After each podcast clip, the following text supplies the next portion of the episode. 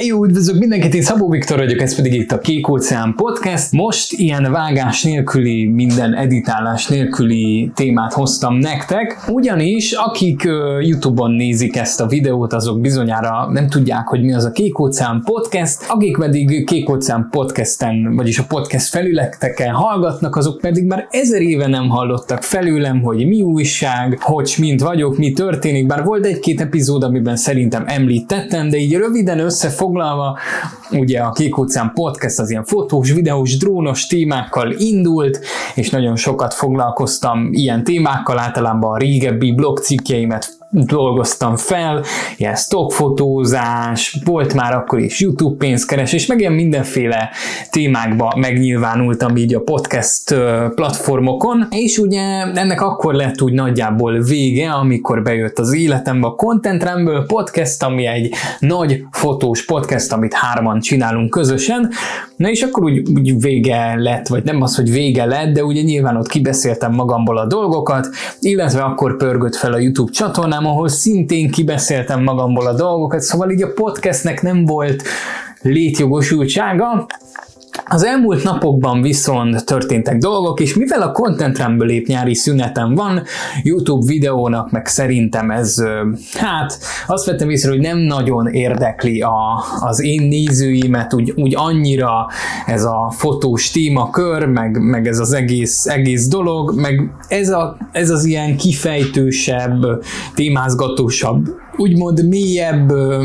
hangvételű videók sem annyira érdeklik a közönségem, úgyhogy úgy döntöttem, hogy feldolgozom ezt a témát a Kék Óceán Podcast keretein belül, úgyhogy a megszokott intrózenénk után bele is vágunk a mai témánkba, ami a fotózáshoz és a közösségi média oldalakhoz köthető, úgyhogy kezdjünk is neki.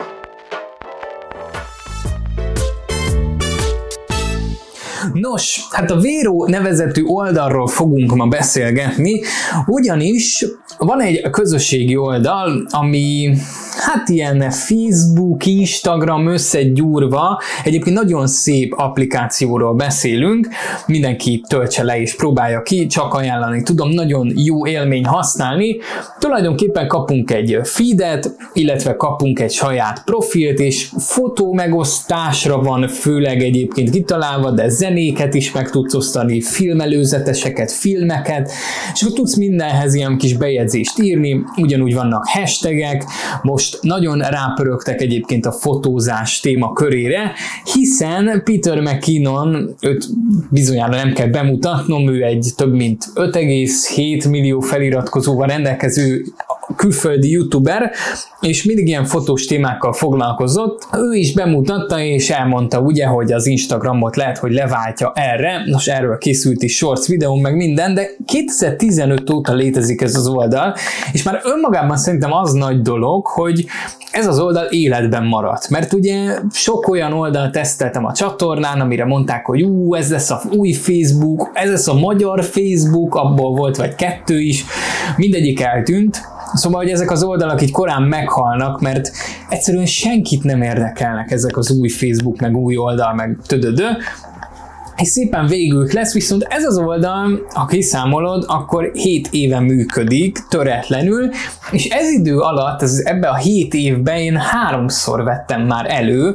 Volt, amikor elkezdtek róla cikkezni, akkor azért vettem elő, volt, amikor először ugye kipróbáltam, akkor azért. Most ugye jött Peter McKinnon, aki behypolta, és már most több mint 90 ezeren követik őt a véron, szóval nagyon durva, hogy neki, neki van akkora influence, hogy át tud vinni 90 ezer embert. Nem tudom, hogy ezek most jöttek-e rá, vagy már korábban is követték mondjuk, de, de akkor is nagy influence kell ahhoz, hogy megmozgass egy 90 ezeres tömeget, akik átmennek miattad és beregisztrálnak, illetve a Vírónak az official profián is láttam sok olyan kommentet, hogy én a Peter miatt jöttem, tödödő, meg nekem is többen írtátok, hogy a Peter miatt mentetek át, felírkáltam itt magamnak ilyen pontokat, hogy mik lehet ezekről beszélni.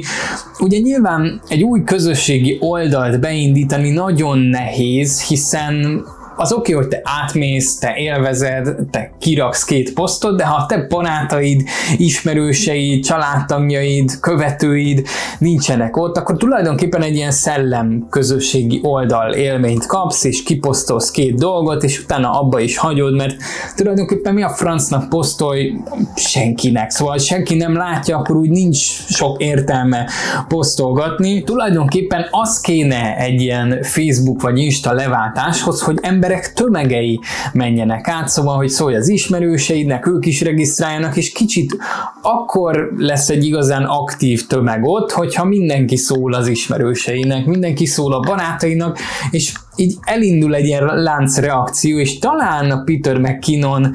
is valami ilyesmin gondolkozott. Nyilván neki ez tök jó, hiszen már ott is követik majdnem százezeren, szóval ez, ez tök jó, mert ha véletlen befutna a véró, akkor már ott is lenne egy tök nagy tömege, viszont olyan szempontból is megpróbálkozott szerintem ezzel, vagy próbálkozásnak lehet nevezni, hogy hát ha azok az emberek, akiket ő inspirál, ők szépen, ha 90 ezer ember csak egy barátjának elmondja, az már 180 ezer ember, úgyhogy, és ha azok is elmondják egy barátjuknak, és stb. Szóval itt szépen növekedhet ennek a social media oldalnak tulajdonképpen a, a hírneve, vagy a hype-ja, és akkor nagyobb esély van rá, hogy befut és releváns lesz mondjuk egy Instagram után, de igazából azon gondolkoztam, hogy ugye írják ott, hogy nincs algoritmus, aztán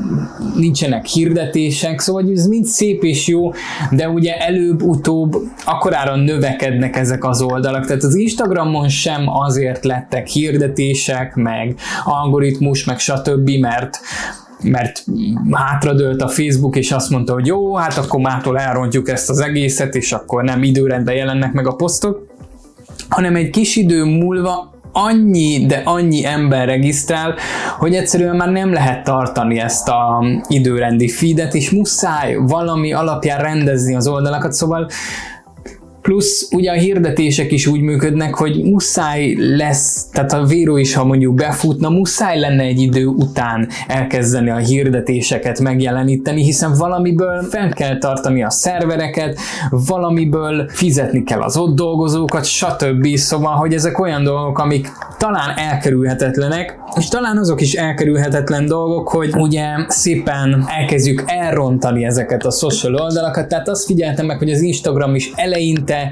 az az első pár év az tök jó volt, utána ugye elkezd az ember bizniszt építeni, elkezdődtek ezek a bot követések, ezek a bot vásárlások, like vásárlások, és ezáltal látjuk, hogy hova vezetett ez az egész. Tehát oda vezetett, hogy kiraksz egy új posztot, és az első ö, fiók, aki az egy bot lesz, és valami kéretre reklámot akar rácsózni, szóval tulajdonképpen elcsesztük az egész Instagramot. Ez van. Tehát ott van rengeteg influencer, aki több százezer kamu követővel rendelkezik, több százezer kamu lájkkal, és ezek szépen elrontják az egész élményt. Ott van rengeteg ember, aki bizniszt épít, oké, okay, én is nagy részt, vagyis hát nem nagy részt, de hogy én is ilyen bizniszszerűséget építek, de akkor is, akkor is ugye rengeteg ember erre áll át, és ezzel szépen lassan elcseszünk egyébként. Tök jó közösségi oldalakat, illetve ugye most látni TikTokon is bejött ez az OVZ, és nem az, nem az, nem az, amire gondolsz elsőnek, hanem ez az oda-vissza követés jelenség, ami YouTube-ban már évek óta megy, ez a sub for sub, ez is egy nagyon káros dolog, egyrészt egyre értéktelenebb lesz tulajdonképpen a követőszám, tehát ha mindenkinek van tízezer követője, akkor a tízezer követő az nem sok mindent ér. Hogyha mindenkinek százezer van, akkor a százezer sem ér sok mindent, ha érted, mire gondolok ez alatt illetve ugye nem tudják az emberek, hogy ezzel elcseszik a saját fiókjukat. Tehát én most a véróra úgy regisztráltam egy új fiókot, hogy kétszer kell meggondolni, hogy most biztos, hogy ki akarok-e mindent rakni, milyen irányba indítsam el a posztokat, mert tök könnyű egy social fiókot elcseszni azzal, hogy tegyük fel mondjuk elkezdenék csak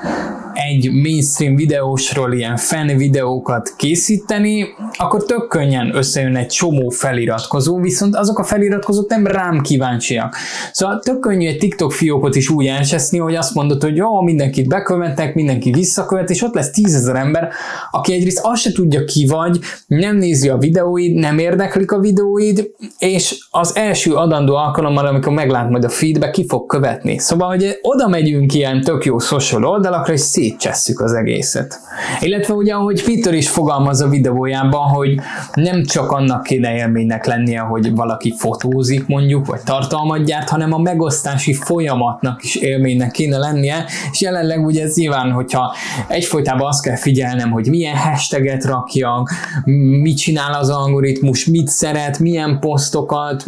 milyen formátumot, akkor ez elcseszi az egészet, és tulajdonképpen nem élmény lesz Instagram, tehát nem élmény lesz megosztani a fotóid, vagy a contented, amit készítesz, hanem egy ilyen frusztráció, hogy fú, rengeteget dolgoztam ezzel, vajon elére három embert, aki majd lájkolni fogja. Szóval az Instagramnál én is megtapasztaltam ezt egy időszakban, amikor ráfügtünk ezekre. Jó, mondjuk én nem egyedül fügtem rá, szóval lehet, hogy az is számít, hogy én így fotós ismerősökkel, barátokkal fügtem rá, és akkor így beszélgettünk egymással, meg ez ilyen tök jó kis mindennapi kis témánk volt, hogy beszélgettünk az algoritmusról, csináltunk mi is ilyen future page-et, tudjátok, amikor összeszedjük más fotósok képeit és megosztjuk, szóval egy ilyen tök jó kis közös tevékenység volt, de lehet, ha egyedül pörgök rá, akkor nem, nem olyan pozitív most így visszaemlékezni rá, viszont miket is beszippantott, és mi is egy kis idő múlva rájöttünk, hogy basszus, van olyan fotó, amit azért lőttünk, hogy mert szeretni fogják, meg sokan lájkolják, és nem, nem, nem akarunk ilyen fotókat lőni amúgy, úgy mélyen legbelül, amúgy meg jó volt mindegyiket meglőni, meg jó poén volt, csak így utólag visszagondolva, van olyan fotó, amit azért lőttünk meg, mert tudtuk, hogy sok lájkot fog hozni. Nyilván az elkészítési folyamatát élveztük, mert együtt csináltuk, de lehet itt is az a kulcs, hogy ugye együtt csináltuk, tehát azért élveztük. És ja, egy, egy ilyen ideális világban egyébként nem azon kéne aggódni, hogy most szeretni fogja a kontentet az algoritmus, vagy nem, hanem egy ilyen ideális világban azon kéne aggódni, hogy lesz-e időd, elég időt fotózni, vagy tudsz-e minden, minden ötletedet meg tudod-e valósítani, szóval ez, ez a felismerés jutott így nekem most eszembe, hogy szépen oda megyünk oldalakra, és elcsesszük, és tulajdonképpen most, ha egy víró is befutna, lenne pár jó évünk, és utána ugyanaz lenne vele, mint az Instagrammal, vagy a Facebookkal jönnének a befektetők, ki kéne fizetni a szervereket, akkor jönnének a hirdetések, akkor eltűnne a, a feed, amit megszoktunk, és akkor szépen lassan az is, azt is lehúznánk a sűjesztőben. Nagyon nehéz egyébként ezt így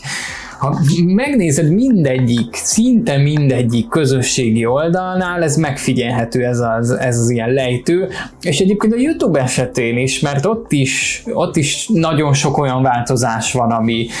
az alkotókkal szembe megy, szóval kíváncsi vagyok egyébként a TikTokon ott mikor fognak ezek a változások bejönni, amik így szembe mennek a felhasználókkal, majd meglátjuk. Na, ennyi lett volna már szerintem ez a Kékószám podcast epizód, és egyébként fizetős erősítettem tulajdonképpen félig a podcastet, hiszen aki nem a podcast